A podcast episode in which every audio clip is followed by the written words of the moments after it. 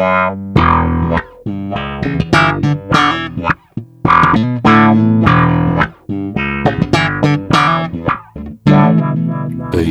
in Belgium. Welkom allemaal bij de tweede aflevering van onze Bas-podcast Based in Belgium, waarin we telkens één iconische Belgische bassist aan de tand voelen over het reilen en zeilen in zijn of haar muzikale leven. En dat gecombineerd met een schandalig goed glas wijn. We zijn een regenachtige donderdagavond, uh, uur en precieze datum doen er niet toe. De tijd staat er even stil in Studio Le Garage om Simon Kazier te verwelkomen. Je hoort hem al op de achtergrond de basnaren beroeren van zijn wijnrode Hofner 182 basgitaar, die hij in een West-Vlaamse repetitiekot vond als ornament tegen de muur gespijkerd wist die bas veel dat ze sindsdien nog zou reizen, langs podia over zowat heel Europa, inclusief overzeese uitstappen naar Zuid-Afrika en Canada. Van het groezelige repetitiekot naar zowaar Vorst Nationaal en l'Olympia bij het alom bejubelde Balthazar en te horen op diens culthits als 15 Floors, Do Not Claim Them Anymore, Leipzig en vele andere parels van songs. Dat alles in de veilige en creatieve bashanden van Simon Kazier dus. In mijn ogen het jongste basicoon van dit land. Niet enkel zijn vaste werkgever Balthazar zit daarvoor tussen. Kazier kwijt zich ook als polyvalente studiorat en live-based uitzonderlijk van zijn taak. Of het nu Americana is bij Douglas Furs, Nederlandstalige pop bij Senegans, eigenzinnige indie rock bij zijn eigenste authentieke Zimmerman, of produceren en arrangeren voor zijn teerbeminde en onze favoriete ex-Hooverphonic zangeres Noemi Wolfs. Hij leeft stevast in het muzikale nu en hier. Simon Kazier. Heel blij dat je er bent, Simon. Welkom. Dank u, dank u. Uh, ja, zeker in, in deze tijden van regen, herfst, lockdown en mondmaskers. Blij dat je van het verre Borgerhout bent afgezakt. Heel graag gedaan, ja. Uh, maar first things first.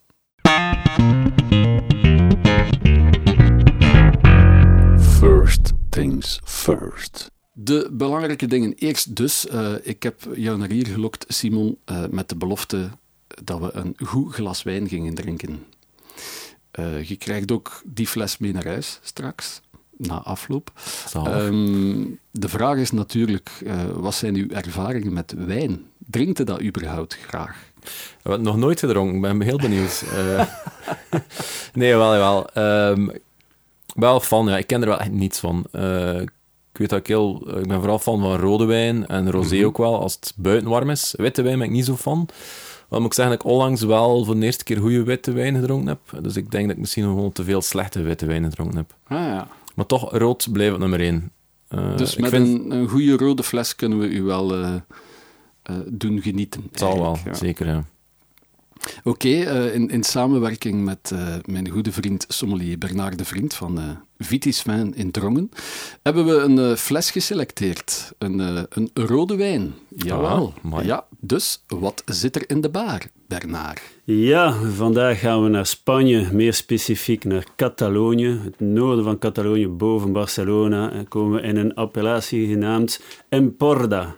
Emporda is een uh, fantastische regio of appellatie in een natuurreservaat tussen uh, de Pyreneeën en de Middellandse Zee. Het is opnieuw een, een heel heuvelachtige uh, heel heuvelachtig gebied Ehm, met prachtige uh, wijngaarden, met een hele steile hellingsgraad. Dat zorgt ervoor dat het weer heel moeilijk is om de wijngaarden te bewerken, maar dat maakt het weer heel boeiend. Mhm. We zitten in een domein genaamd Sota Els Angels. Olé. Uh, is een wijngaard overgekocht door Guy Jones en zijn vrouw Maria. Hij uh, Maria leren kennen op een uh, fototentoonstelling in New York. Ze zijn verliefd geraakt, zijn teruggekeerd naar Engeland, maar Maria was niet zo gelukkig in Wales en heeft Guy Jones overtuigd om zich te gaan installeren terug in Spanje. En hebben overal zitten zoeken naar uh, een, een heel mooie regio of een wijndomein waar dat ze eigenlijk een droom kunnen waarmaken. En dat was Emporda. Mhm. Ze hebben dus een domeintje gekocht van uh, 8 hectare, dus opnieuw niet zo groot, maar wat dat ze eigenlijk een heel mooi werk kunnen doen. Opnieuw een domein die volledig biologisch, biodynamisch te werk gaat. Dus dat zorgt opnieuw voor heel zuivere wijnen. Ook belangrijk om te weten is, is dat Guy Jones zijn wijnen pas op de markt brengt als ze helemaal op dronk zijn. Aha, en uh, dit is een rode wijn, dacht ik? Ja, het is een rode wijn, maar met een heel leuke combinatie van uh, vier verschillende druiven, namelijk Carignan en Syrah, en daarbij nog eens Merlot en Cabernet Sauvignon. Ja, wat geeft dat in de neus? Het is dus, zoals ik zei, een zeer complexe neus. Uh, die aroma's biedt van geconfijt pr fruit, pruimen, dadels. Ook een beetje dat koffie, chicorée. Uh, en dan ook het, het heel aangename, omdat de wijn is van een bepaalde leeftijd, ook heb je een beetje dat chocolade en karamel. En je hebt ook een beetje die geëvolueerde aroma's van, van sous-bois, noemen ze dat. Een mm -hmm. beetje die, die, die droge, natte bladeren. En vinden we die toetsen dan terug ook in de mond, in de smaak? Ja, zeker en vast. Uh, we zitten hier met een heel sappige wijn, hè. gezien zijn leeftijd. Uh, zitten we met sappige wijnen met toetsen van geplette zwarte bessen, uh, subtiele gebrande en geroosterde impressies.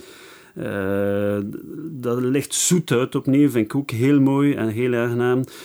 Het is een wijn met heel mooie rijpe tannines die heel mooi versmolten zijn opnieuw door Ja. zijn leeftijd. Ja. Daarnaar, wij eten ook heel graag. Uh, wat kunnen we combineren met deze rode wijn? Goh, ja, we, zitten in, we zijn in de herfst, dus er is een opnieuw wijn die, die perfect combineert met uh, wilde eend, met fazant, uh, met stoofpotjes. Uh, opnieuw voor de amateurs van kazen, de, de rode schimmelkazen, de Munster, met lekker gedroogd fruit, omdat je opnieuw die combinatie had van gedroogd fruit die je terugvond, zowel in de neus als in de mond. Ik zie Simon Kazier ondertussen al happy as a school kid luisteren naar de uitleg van Bernard. we gaan de wijn uitschenken. Yes.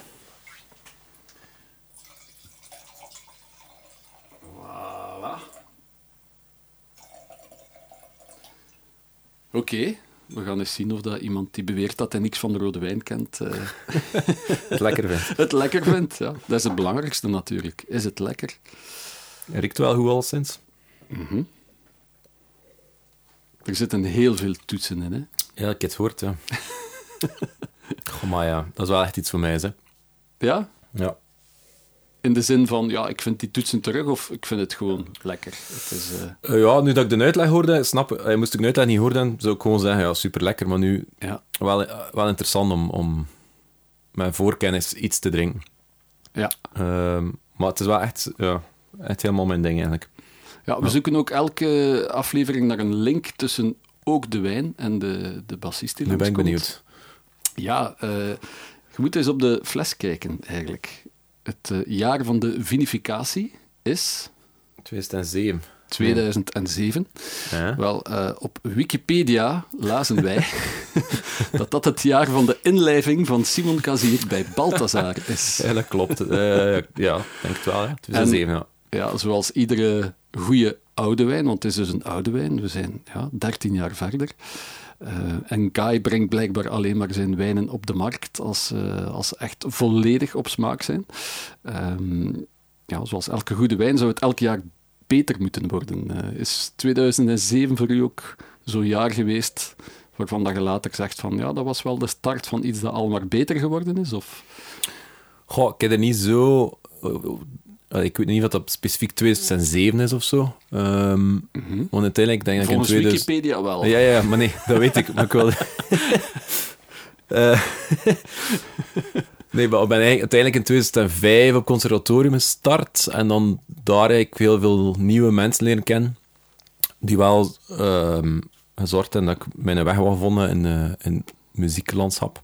Ja, ja. Um, en inderdaad, 2007 was dan met Baltzar begonnen. Hoewel ik eigenlijk denk dat we het jaar ervoor al aan het repeteren waren. Ja. Maar zwart, dat maakt niet uit. Volgens Wikipedia was je ook niet de eerste bassist van nee, nee, nee. Uh, Balthazar.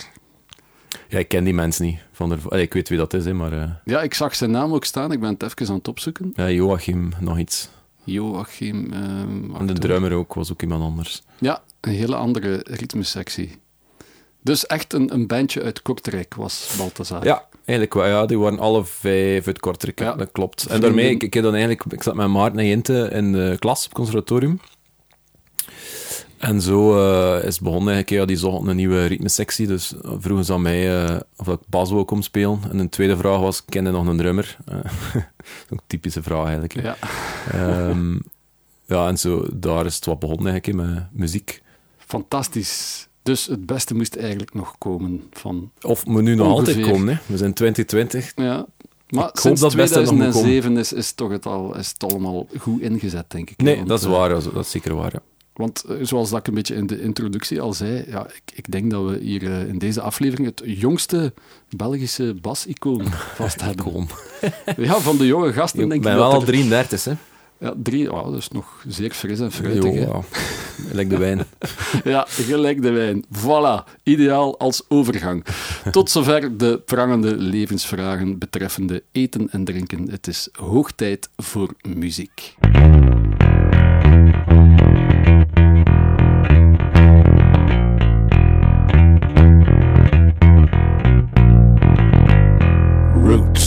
Bloody roots. We gaan terug naar de roots van Simon Kazier. En de allereerste keer dat ik jou live op een podium zag, dat was op de halve finale van de NECA-wedstrijd. Eh, in Hemixem, in een eh, zeer onhippe zaal, naar ik mij herinner. Ik was jurylid voor de NECA-wedstrijd en dat was in 2009. En plots betrad een zekere Senne Guns met zijn band het podium. Ja. En eh, ik was direct eh, blown away. Eh, niet alleen door de band die over de hele lijn op een Zappa-eske manier in het Nederlands fantastisch bezig was, maar ook door de bassist natuurlijk. En dat bleek dan toch wel niet Simon Kazier te zijn. Op welk momentum in uw carrière, voor zover dat je dat toen al carrière kon noemen, zat je toen? 2009. Maar ik, Ja. moet wel even, ben even aan denken aan de optreden in Hemixem. Ja. Met ik- Senneguns. Ja, ja, de maar- periode Senneguns. Ja, ja, dat herinner ik me allemaal, maar specifiek dat op... Hij was daar. Finale Ja, ik heb dat moeten beoordelen. Ja, wel, ja. ja, ze moest er zijn. Ja. Nee, eh, maar ik kan mijn optreden niet meer herinneren. Hemixem. Eh 2009, ja, dat is... ehm, Het was een zaal en een school, denk ik zelfs. Een middelbare school. Het had zoiets high school prom-achtige setting. Ehm, want dat is denk ik 2009, dat was nog... Ja, want Sen is zijn eerste plaat is van 2010, denk ik. De 2011 plaat was nog zelfs. niet uit. was nog niet uit. Ah, Nee, want nee. wij zaten nog allemaal op school ook. Ik denk Sen eh, ook nog net, of net niet. Ja. Plus, eh bassistiek bekeken, zal ik maar zeggen. Eh je speelde toen op een, eh, een crèmekleurige oude vintage eh mijn jazzbas, die heb ik nog altijd, ja. jaren zeventig. Dus dat is eigenlijk... Het, waar, waar zitten we dan in, in uw carrière? Want Ehm, Balthazar was er al, blijkbaar. Walter was er al. De, mijn, eh mijn Hufner-bas dat ik nu gebruik nog niet. Of misschien net wel. Maar inderdaad, die jazzbas... Ik eigenlijk... Allee, als het nu over gear mag gaan dan natuurlijk. eh, die jazz was eigenlijk, was eigenlijk mijn derde bas ooit dat ik gekocht heb. Ik ken het, iedereen begint wel met zijn eerste basje die heel slecht is. En die nu bij mijn ouders staat, boven. Ja. Eh, en dan had ik zo'n Flea-bas gekocht. Die heb ik dan verkocht toen ik 18 was of zo. En dan... eh, mo- modulus. ja, ja, eh, modulus Flea, ja, ja. ja.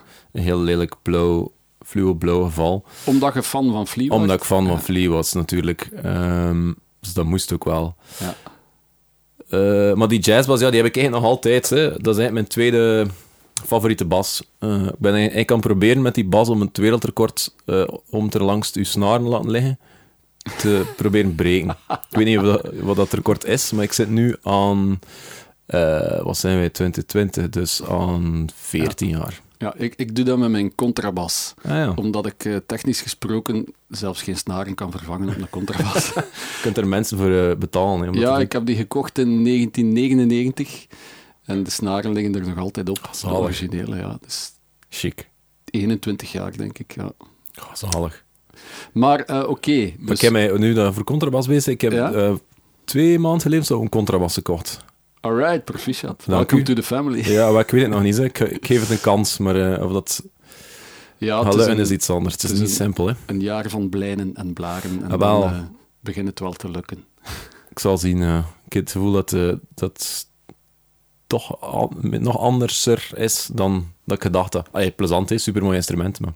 Ja, het is een heel ander eh, instrument qua concept. Ah wel, voilà. Ja, Maar daar kunnen we nu niet te veel op inzoomen. Nee, nee, ik zou willen teruggaan naar... eh, ja, je speelde toen Dat in ja, ja. Eh, Balthazar was ook al aan het broebelen via het conservatorium in Gent, omdat Jinte en Maarten er ook productie volgden. Eh Senne zat ook op het conservatorium toen. Ja. In hoeverre is de, de opleiding dan voor u belangrijk geweest?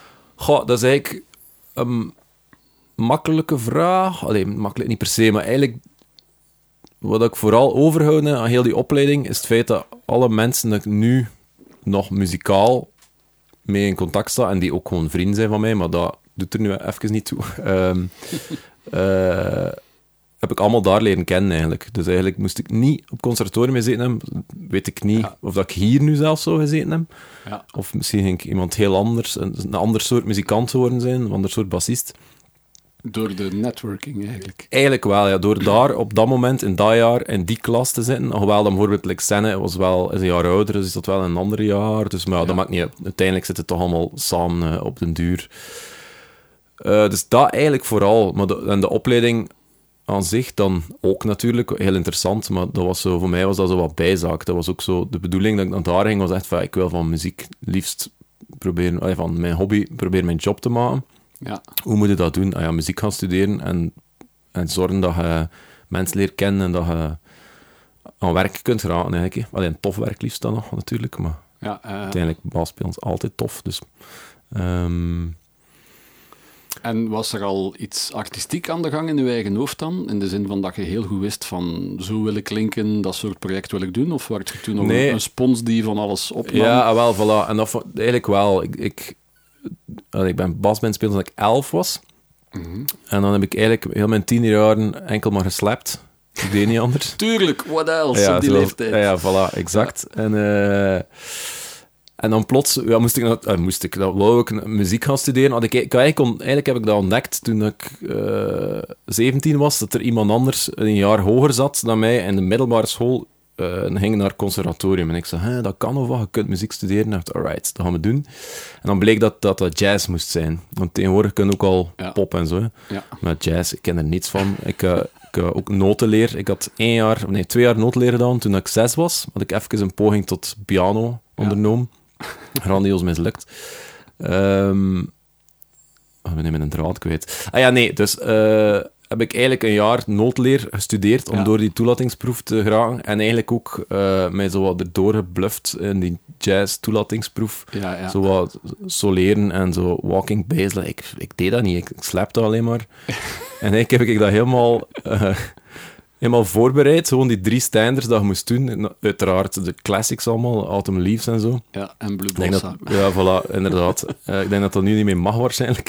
Oh, jawel, jawel, Ja? jawel. Ja, absoluut. ik, had, me- ik had er eigenlijk gewoon, ik had eigenlijk helemaal voorbereid. Ik wist eigenlijk maar half wat ik aan het doen was. Ik wou gewoon daar beginnen op het conservatorium om dan jazz te leren. Terwijl je eigenlijk al, zo gezegd, al iets van jazz moet kunnen voordat je toegelaten moet zijn. Maar dat was bij mij niet het geval. Ja. Maar wel heel blij erdoor ben gelaten. Ja. En dan pas is het eigenlijk begonnen. Maar ik, eh, wat ik wel heel interessant vond, ik, ehm, omdat ik heel weinig toen, eh, ik was toen 18, heel weinig of amper eh, theoretische kennis had over noten en dit en dat. Ehm, ik werd zo direct in, in de eerste basles bij Stefan Liefstro. Ja. Ik ken ook wel, hè. Direct, Heeft hij daar nu nog les? Nee, die geeft geen les niet meer eh, Ja. in Gent op het conservatorium. Ja, ik wist het niet. Maar die, eh, ja, les 1, die gaf mij direct stukken die onmogelijk waren voor mij om te snappen en om te spelen. En ik vond dat de max, want dan hadden ze- een week tijd van, oké, ik, ik moet dat, dat is hier conservatorium, ik moet maken dat ik tegen volgende week dat perfect kan spelen. Of, of, eh, of dat mislukt hier grandioos, die studie. Ja. En dat was wel tof, om zo direct zo boven uw niveau geduwd te worden Ja, van dag ja. één. En, dat eh, kan alleen maar op een school, denk ik. Ja, dus daar is een opleiding echt wel... Voilà, ja. Dat hadden voor, u, eh, dat hadden u zelf niet, niet toe dwingen, denk ik. Want nogthans, eh, als je Balthazar hoort als muzikale band, zou je perfect kunnen denken dat zijn gasten van de straat die de stil op straat geleerd hebben, maar niets is minder waard. Het zijn eigenlijk allemaal higher educated, master diploma. Maar ja, dat is allemaal maar voor de doms, hè. Nee, nee. nee eh, Balthazar doet alsof, dames en heren. ja, het is een voilà. commerciële truc. Geloof het niet. Nee, nee. Nee, maar het is, het is waar. Het is, het is van alle tweede kant niets van te zeggen. hè. Het is, het is, soms is het ook niet tof om te veel te weten of zo. En dat is dan wel het nadeel misschien, denk Ja. ik, van op vijf jaar op conservatorium te zitten en eigenlijk op een duur alles wel wat te snappen. Allee, dat klinkt nu arrogant of zo, maar gewoon... allee, je krijgt ook op een blaadje voor je hoe dat muziek werkt. Basically vooral wiskunde, maar dan doe je ermee wat je wil natuurlijk. En het gevoel en al heeft er niets mee te maken. hè. Dus ik denk dat daar, daar gewoon de grens ligt. Dat je zelf kiest wat doe, wat doe je met die wiskundige informatie.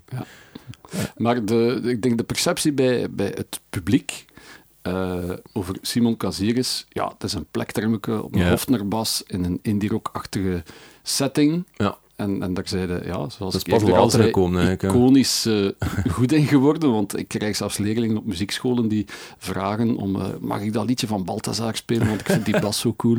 dus dan heb je het al gemaakt, vind ik. Hè. En als je dan nog maar 33 bent, even uit als Jezus, dan vind ik dat toch Ah ja, even een Jezus. goede prestatie. Eh, maar weinig mensen weten in die perceptie eh, dat je eigenlijk nog veel breder gaat dan dat. Want eh, bij Douglas Furs is het een heel ander genre, bij, Ja.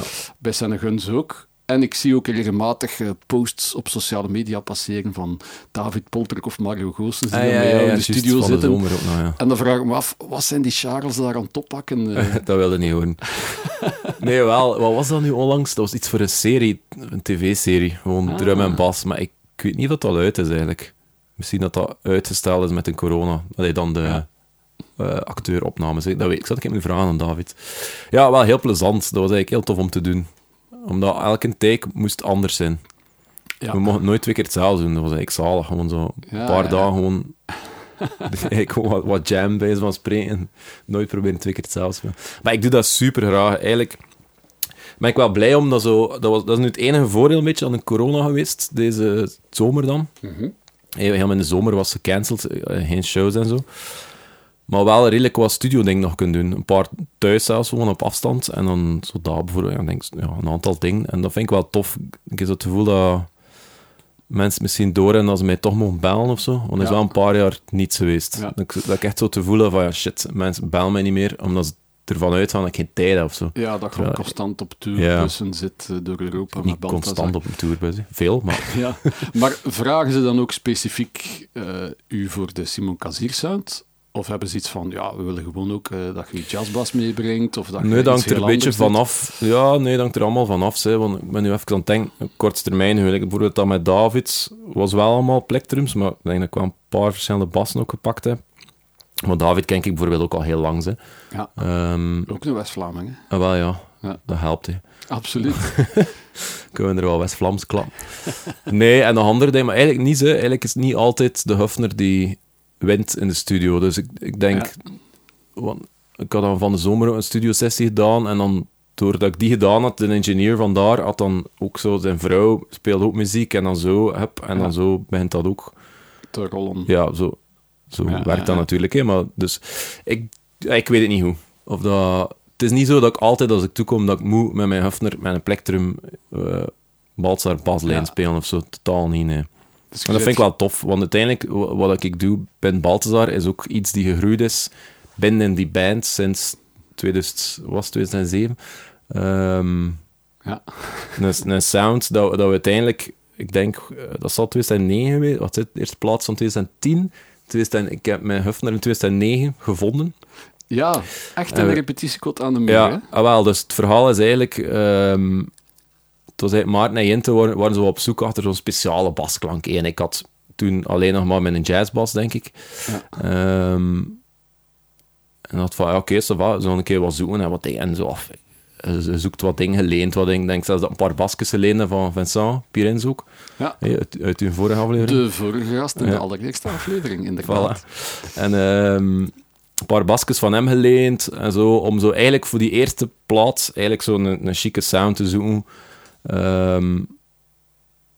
Van- op bas eigenlijk. En toen had ik eigenlijk toevallig, was ik, ik denk met scène waarschijnlijk, zat mij veel toen in, in Ruisleden in de repetitiekot, in de, de, de de mic. mic, ja. Ja. De bas dat ik toen van hem, van, eh, van hem gekocht had. Vincent, hij noemt hij, ja. Ja.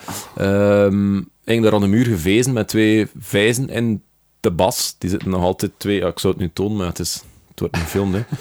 Eh, Misschien eh, dat het toch eh, via microscopische telelens op het YouTube-kanaal Ja. te zien is. Ja, hier, het nummer maar- dat Simon straks gaat spelen. Je hebt dat al gezien, hè? Hier, hè? Ja, in de, in de head, in het hoofd, zit er een gat geboord en in de body ook. Dus Ja. om de bas zoals in een of andere bluesrockcafé op te hangen Ja, wel ja, effectief. En ik, tussen de motaars. nee, maar ja, en dat, ik, ik zag dat hangen. Ik kende dat niet. Ja, ik kende Huffner van Paul McCartney, vioolbas. En dan van, maar ziet er echt nog chic uit. Ziet er wel een gitaar uit eigenlijk, omdat die zo klein is. Ja. Dacht van, ja, wil dat er een keer afvallen, mag ik dat een keer meenemen? Mag ik dat een keer lenen voor eh, een opnamedag? En dat was toen de Ja. opnamedag van Applaus van Balthazar. Had ik die mee en ook zelf wat bassen en zo wat. Zalig. En uiteindelijk heel die plaat met die bassen, dat was zo plots van, oké, ja, dit is het gewoon, ja. Eh, het is eigenlijk heel, heel toevallig gevonden, eigenlijk een, een, een sound die natuurlijk niet alleen in die bas zit, maar toch door die bas te, te horen op die muziek was dat plots van, oké, dit is het gewoon, hè. En toen heb ik hem gebeld eh, van, ja, ik, eh, ik geef hem niet terug, hè. ik koop hem van u. hij heeft nog even getwijfeld en ja, heeft het nog lang geduurd zelfs, hè. hij heeft nog getwijfeld. En zijn vrouw heeft hem toen overtuigd van, ja, maar wat zei hij daarmee met die bas? Ja. verkoop dat keer aan de jong. Ik was heel blij. Het grappige is wel dat ik zo de jaren daarna zo'n aantal keer zo televisieshows of zo gedaan heb met Balthazar. Ja. En dat ik eh, nog vaak een berichtje kreeg van mensen van, ah ja, chic, heb je gezien met mijn basje op ja, tv. ja. En by the way, je moet mij nog 2000 euro extra, want ik heb te weinig geld gevraagd of zo. Ik weet niet meer wat ik ervoor betaalde. Ik denk ja, 400, 500 of zoiets. Ja, Wat dat, is op zich geen hè? dure bas. Het is Nee. brol van... en het zijn twee gaten in. Dat is echt... Ja, gedevalueerd. Ja, maar echt. dat is zo wat, eigenlijk wat verhalen. Allee, het is zo wat een stuntelig verhaal hè, van hoe kom je aan, aan, aan, aan Ja. een sound. Ja, dat is het verhaal. Allee, los van dat natuurlijk McCartney en zo dat ook al deden hè, vroeger. Dus het is niets, niets nieuws of zo. Hè. Ehm, maar toch, ja, ik vind het verhaal wel leuk dat zo heel, heel een, een eh, samenloop van toevallige omstandigheden. Ja. Plots van, ah ja, dit is het. Voilà. En dan ook gewoon nooit meer in vraag stellen. En gewoon altijd ervoor gaan. Zoals het leven zelf. Voilà.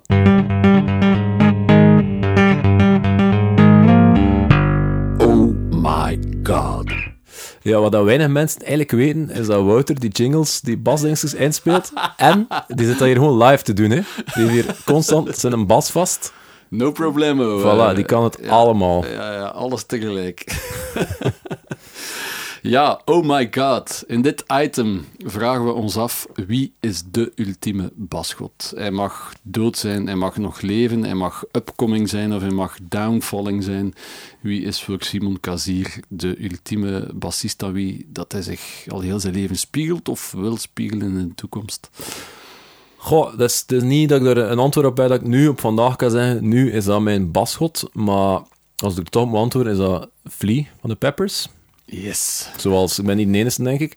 Maar ehm, ja, omdat hij gewoon de reden is dat ik pas bij me begin spelen. En ehm, nu luister ik niet meer naar de Peppers, want die de laatste tien jaar gedaan heb, vind ik heel slecht. Maar, ehm of de laatste vijftien jaar zelfs.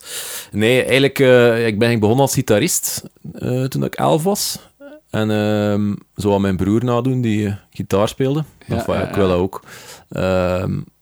En dan plots was Californication daar, de plaat van de Peppers. Ja, en die begint al met Around the World. En dacht van, wat is dat Ja. hier? Ehm, ja, en toen was, was de keuze snel gemaakt van, oké, dan doe ik toch iets anders dan mijn broer. Is het niet ook gitaar? Ehm, En was En dat was de allereerste keer dat je een basgitaar herkende in muziek? Want Ja, sommige mensen horen geen bas tot op een bepaald moment in hun leven. En, en bassisten gelijk Flea zijn dan meestal een landmark. Die ja, ja, die heeft wel veel gedaan voor eh ja. bassisten die op vandaag nog bezig zijn. Hè. Eh, ja, eigenlijk denk ik het wel, zo, want ervoor, allee, ik luister wel naar muziek en, en allee, van mijn ouders heb ik wel heel veel muziek eh, meegekregen. Beatles, Pink Floyd, Stones, alles. De- ook superbassisten eigenlijk. ja. Ja, eigenlijk wel, maar ik, ik was daar niet mee bezig. Maar ik, ik, ja, dat was gewoon muziek voor mij die er altijd geweest is, die heel mooi is. Ik ben nog altijd fan van, van al die dingen.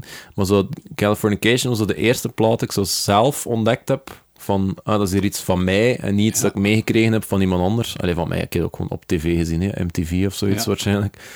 Eh, en dan die bas. Ik denk het eerste lied was zelfs ehm, eh, Scar Tissue. Ja. Eh, waar dat in bas eigenlijk ook in die gitaarsolo eigenlijk ook half zit mee te soleren. Melodisch Ja, super mooi. ja. dat, dat, als het op zich zet, die bas, is het zo niet mega zot of zo. Maar als dat samen met die gitaar, is dat precies zo één, Eén blend. blend. En dat vind ik, allee, om nu misschien 10 seconden uitweiden over die plaat, vind ik het geniale aan Californication, is dat de bas en de gitaar één instrument zijn over heel die plaat. Ja. Vind ik mega straf. Maar wat, eh, dus Flea, ja. Maar ik ben, ben er nu wel zo ja, minder fan van, maar dat is misschien de leeftijd of misschien ook de muziek dat ze nu maken. Maar toen, ja, Californication. En dan ben ik direct Blood Sugar Sex Magic. En alles daarvoor, eh wat is het allemaal? Freaky Styly, eh, Uplift. Ja, ja het is ook een generatieding met de Peppers. hè. Ik ben van 76, ik was 16 toen dat Blood Sugar Sex Magic Voilà. uitkwam. Voor mij is dat de ultieme plaat, waardoor dat ik ook eigenlijk ben beginnen bassen, min of meer. En terecht, hè. En dan de gasten die tien jaar ouder zijn dan mij, die, die lachten mij uit dat ik dat goed vond, want die eerste platen, Uplift, Mofo, en zo, waren toch nog veel beter. Eh, en, en ik heb dat ook met Californication, dan denk ik, ja, dat is al maar 50% Nee, maar van dat de snap ik Peppers niet perfect. En, de, en dat is ook deels inderdaad de leeftijd en, en de nostalgie dat je eraan linkt. Hè. Ja. Maar de gitaar was belangrijk en, en die zeiden toch ook wel blijven onderhouden, denk ik. Want, Ja, ja, ben nooit gestopt met gitaar spelen. Ehm, want bij Zimmerman zeiden dan zanger, Ja, gitarist, ja. er is geen bassist. Ja, Senne. Senne speelt met zijn linkerhand eh, even de, alle bassisten eh, denigreren door met één, eh één vingerke bas te spelen.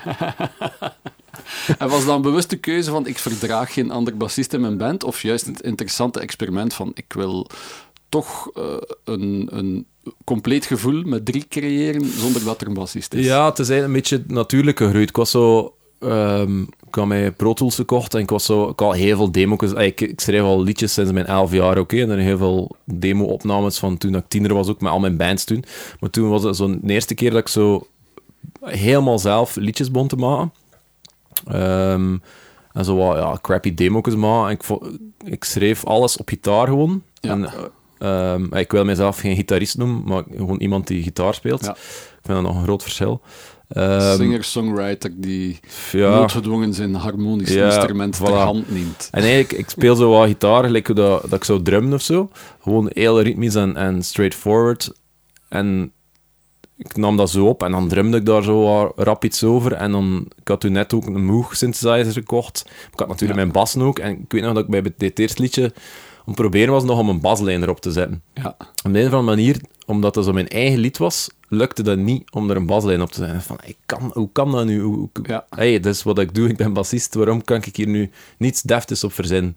Ja. En toen heb ik gewoon mijn moe gepakt en gewoon zo wat, ja, heel op de achtergrond zo ja, wat sub voorzien, bij wijze van spreken. En Ja. plots viel dat helemaal op zijn plooi.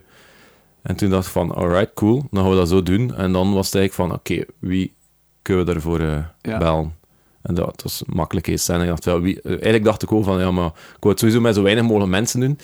Omdat mij dat plezant lijkt, ook naar interactie toe op podium. En hoe minder je zei, hoe makkelijker dat je weg kunt gaan van, van eh, de eh, structuur of, of whatever, of jam.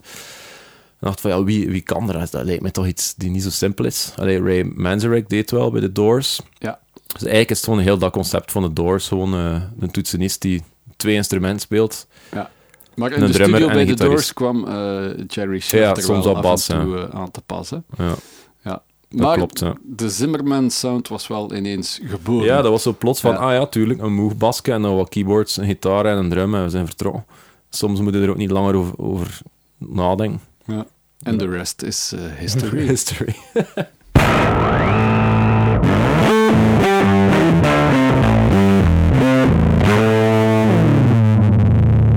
Gear Sluts. Gear, we hebben al eh, kunnen genieten van het fantastische verhaal van de Hofner 182 die aan de muur genageld werd als Christus in de repetitieruimte De Mike in Ruiselede en die dan de definitieve Balthazar Bas geworden is. Ehm, maar ja, materiaal, gear, ehm, ja, ik heb de indruk dat we bij u rap gaan rond zijn als we echt technisch over materiaal willen babbelen. Ja, Kan ik ben, dat? wel een, ja, ik ben wel een vrij gearslet, maar dan zo niet eh, meer op op het vlak van instrument. Ik heb zoiets van... wa- wat is voor mij, is voor mij een sound? Is eigenlijk de persoon en het instrument. En dan komt er dan een kabel uit en dan, als dat niet goed is, Ja. al de rest kunnen eigenlijk kopen. Snapte?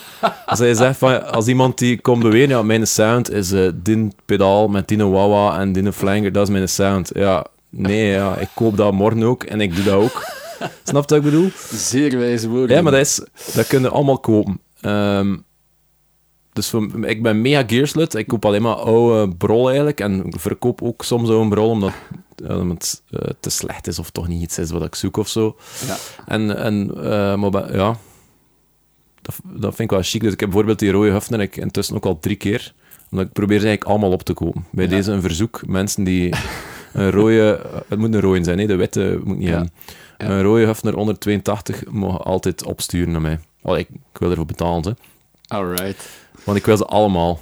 Maar hoe moeten ze u contacteren? Want je bent ook eh, in mijn zoektocht, in mijn research, een van de ja, eh, minst bedreven bassisten op sociale Oh ja, media, op uit. internet. eh, het is moeilijk om met Simon Kazier in eh, contact te treden. Hè. Dus ja, hoe gaan de mensen u bereiken? Maar eigenlijk? wel, wel, wel, ja, ik, ik weet het niet, maar ik vind Naar het wel grappig. optreden gaan en na het optreden. Nee, maar ik vond het wel grappig. Onlangs was er effectief iemand die naar mijn vriendin een mail gestuurd had van kunnen een keer contact van Simon, we hebben hem nodig, voor, en dat was voor een sessie dan.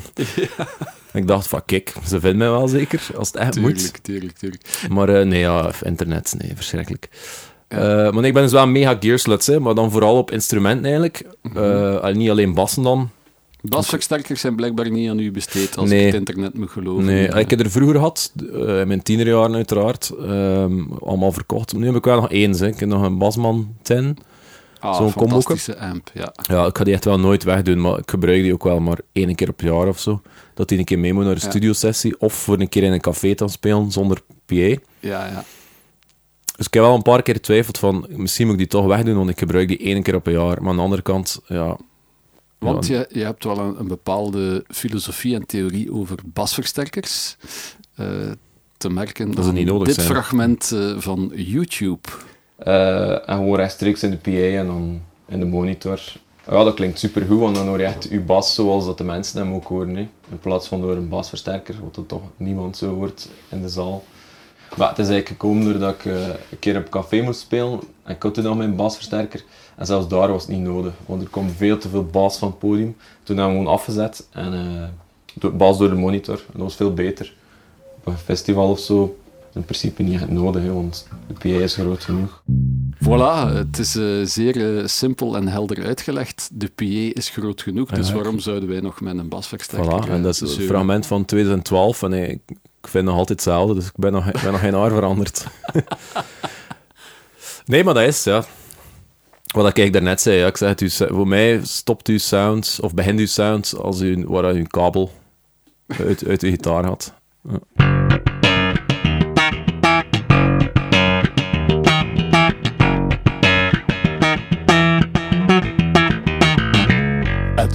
For the young at heart. Oftewel, welke goede raad heeft eh, Simon Kazier voor eh, alle bassisten over heel de wereld of voor de, de specifiek jongere gasten die er aankomen? Maar het is moeilijk. Ehm, ja, ik weet het niet hoe. Eigenlijk, doe gewoon je goesting. Doe gewoon wat je zelf voelt, dat je, dat je moet spelen, of dat je wil spelen, en doe dat vooral. Ehm, al de rest, ja, doet er niet toe. Tuurlijk moet hij gaan, pas gaan studeren en, en dat beter le- leren snappen. Dat is allemaal bijkomstig, maar in die end wil je gewoon spelen wat je graag hoort en spelen wat je tof vindt om te spelen. Dus doe vooral dat.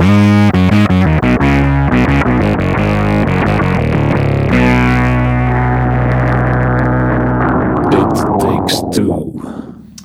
Dilemma's. We komen ze ooit in het leven wel eens tegen en ook in de muziek. En zelfs in de wijnsector. Vandaar de volgende dilemma's die ik wil voorleggen aan Simon Kazier. Ik ben benieuwd naar zijn snelkeuze. Here we go. DI of Amp? DI. Fender of Hofner? Hofner. Goh, het is moeilijk, hè. Hofner met één F of Hufner met twee F'en en een trema op de E. Oei. Uh, hoe is het verschil? De schrijfwijze van Ah Hofner. ja. Wat was dat er met een baas met één FV, denk ik? Ja, dat dan. Ja. De eerste. Juist. Een complexe gelaagde wijn of monocepage. Eh monocepage. Maarten de Voldere of Jente de Pre. Nee, daar ga ik niet op antwoorden. Maarten de Pre.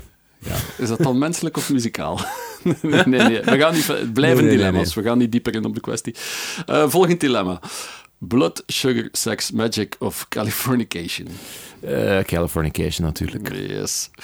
Prutsen in de home studio of sessie in een gerenommeerde topstudio? Prutsen in een home studio. Alright, dat waren de dilemma's.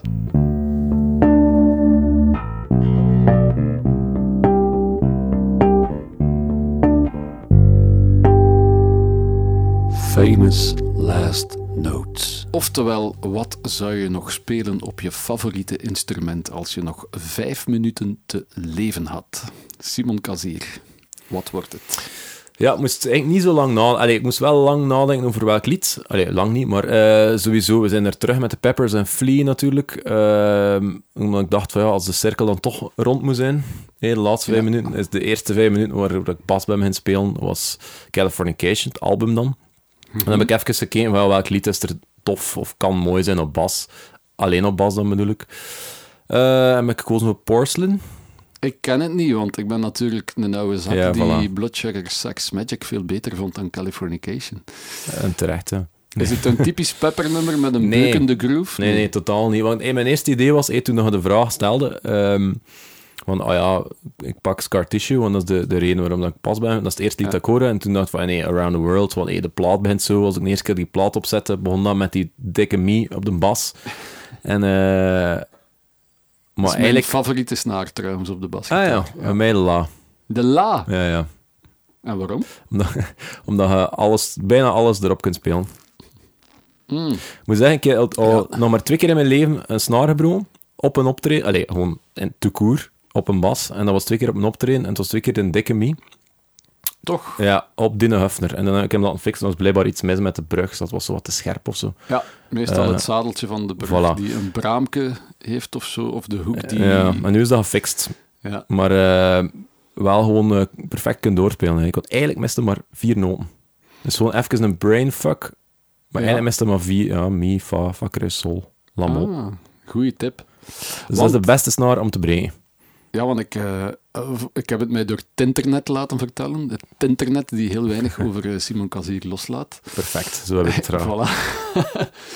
Eh, het internet heeft me ook verteld dat, je eigenlijk altijd maar één bas wil meedoen. Half uit luiheid, maar ook half uit creatief oogpunt. Omdat je vindt dat je daar dan het maximum moet Ja, nee, dat vind ik wel, ja. Want ik had zo even...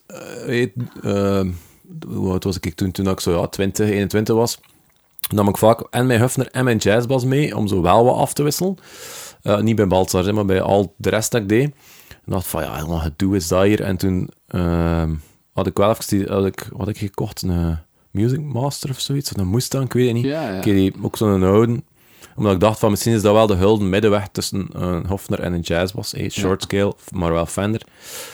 Maar ja, ja, dat was zo wel een hulde middenweg. Maar ja, dat maakt het ook weer ja, flow gewoon. Dus ik heb die direct weer verkocht. En als er bij Balthazar dan eh, op, op een eh, concert een, een snaar breekt, dan is het plan trekken op de Ah, wel, ja. laadsnaar? Ja, Of- voilà, ik het ene ja, ik het ene keer bij Baltzar en één keer bij Douglas First. Maar bij Baltzar had ik, was het was nog drie nummertjes of zo. Miesnaar, kapot. En ehm, ik had toen nog geen reservebas mee. Omdat ik ook dacht van, oh, wie breekt er nu snaar? Dat was echt de eerste keer in mijn leven dat ik een snaar gebroken. Ik was denk ik 25 of zo, nooit snaar gebroken. En dan direct op de Lokerse feesten, ik weet dat nog. Eh, het waren wel maar drie nummertjes meer. Ik had wel snaren mee, maar ja, daar heb je geen tijd voor. Hè. Je zet drie nummers in de finale van je set. Wa- Ja. Wat zou je dan nog bij snaren laten opleggen? Of zelf opleggen, whatever. Eh zo'n doorgespeeld. Eigenlijk had dat perfect. Hè. Dat is gewoon even een... Je brain dat je even moet... eh, Ja. En Omzetten. 5000, 5000 mensen die. maar niet niemand heeft dat, de helft van de band dat dan niet door. Ja. Oh, right. Die echt, ik denk dat juist een drummer zo, dat gezien had of zoiets zelfs. Dat ik aan het sukkelen was en dat ik zo met mijn snaar bezig was. Maar ja, vier noten. Nee, Oké, ja, laat, wel ons hopen dat er eh, geen, geen laasnaar breekt nu tijdens de uitvoering. Maar nu van, heb ik eh, eh, een keer een roadie mee en nog vier, eh, vier bassen. Hè. Alright, komt helemaal goed. We zien het straks op YouTube ook. eh, dat is het internet eh, voor mensen die niet van het internet houden. internet met video, ja. Ja, Simon, eh Music Maestro. Ja.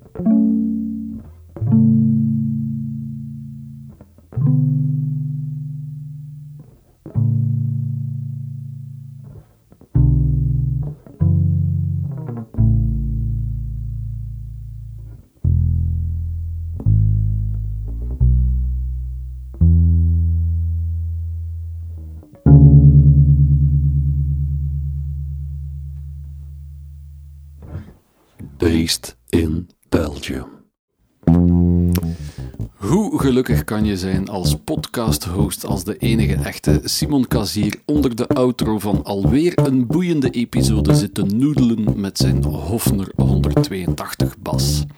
Check zeker ook ons YouTube-kanaal Based in Belgium als je de song die Simon daarnet inspeelde wil horen en zien.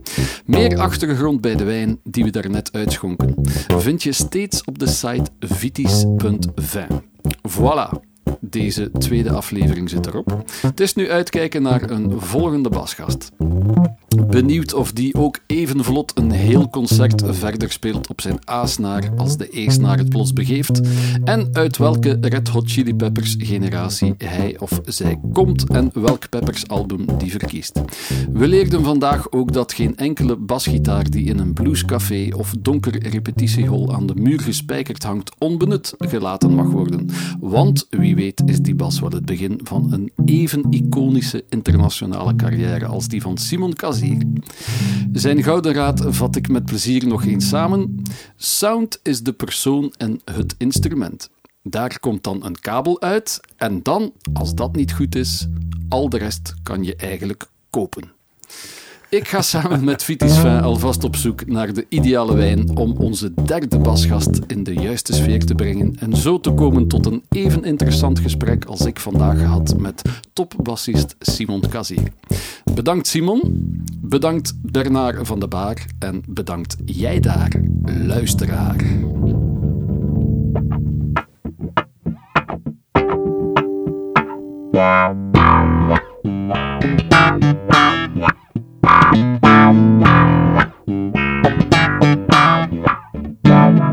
Based in Belgium.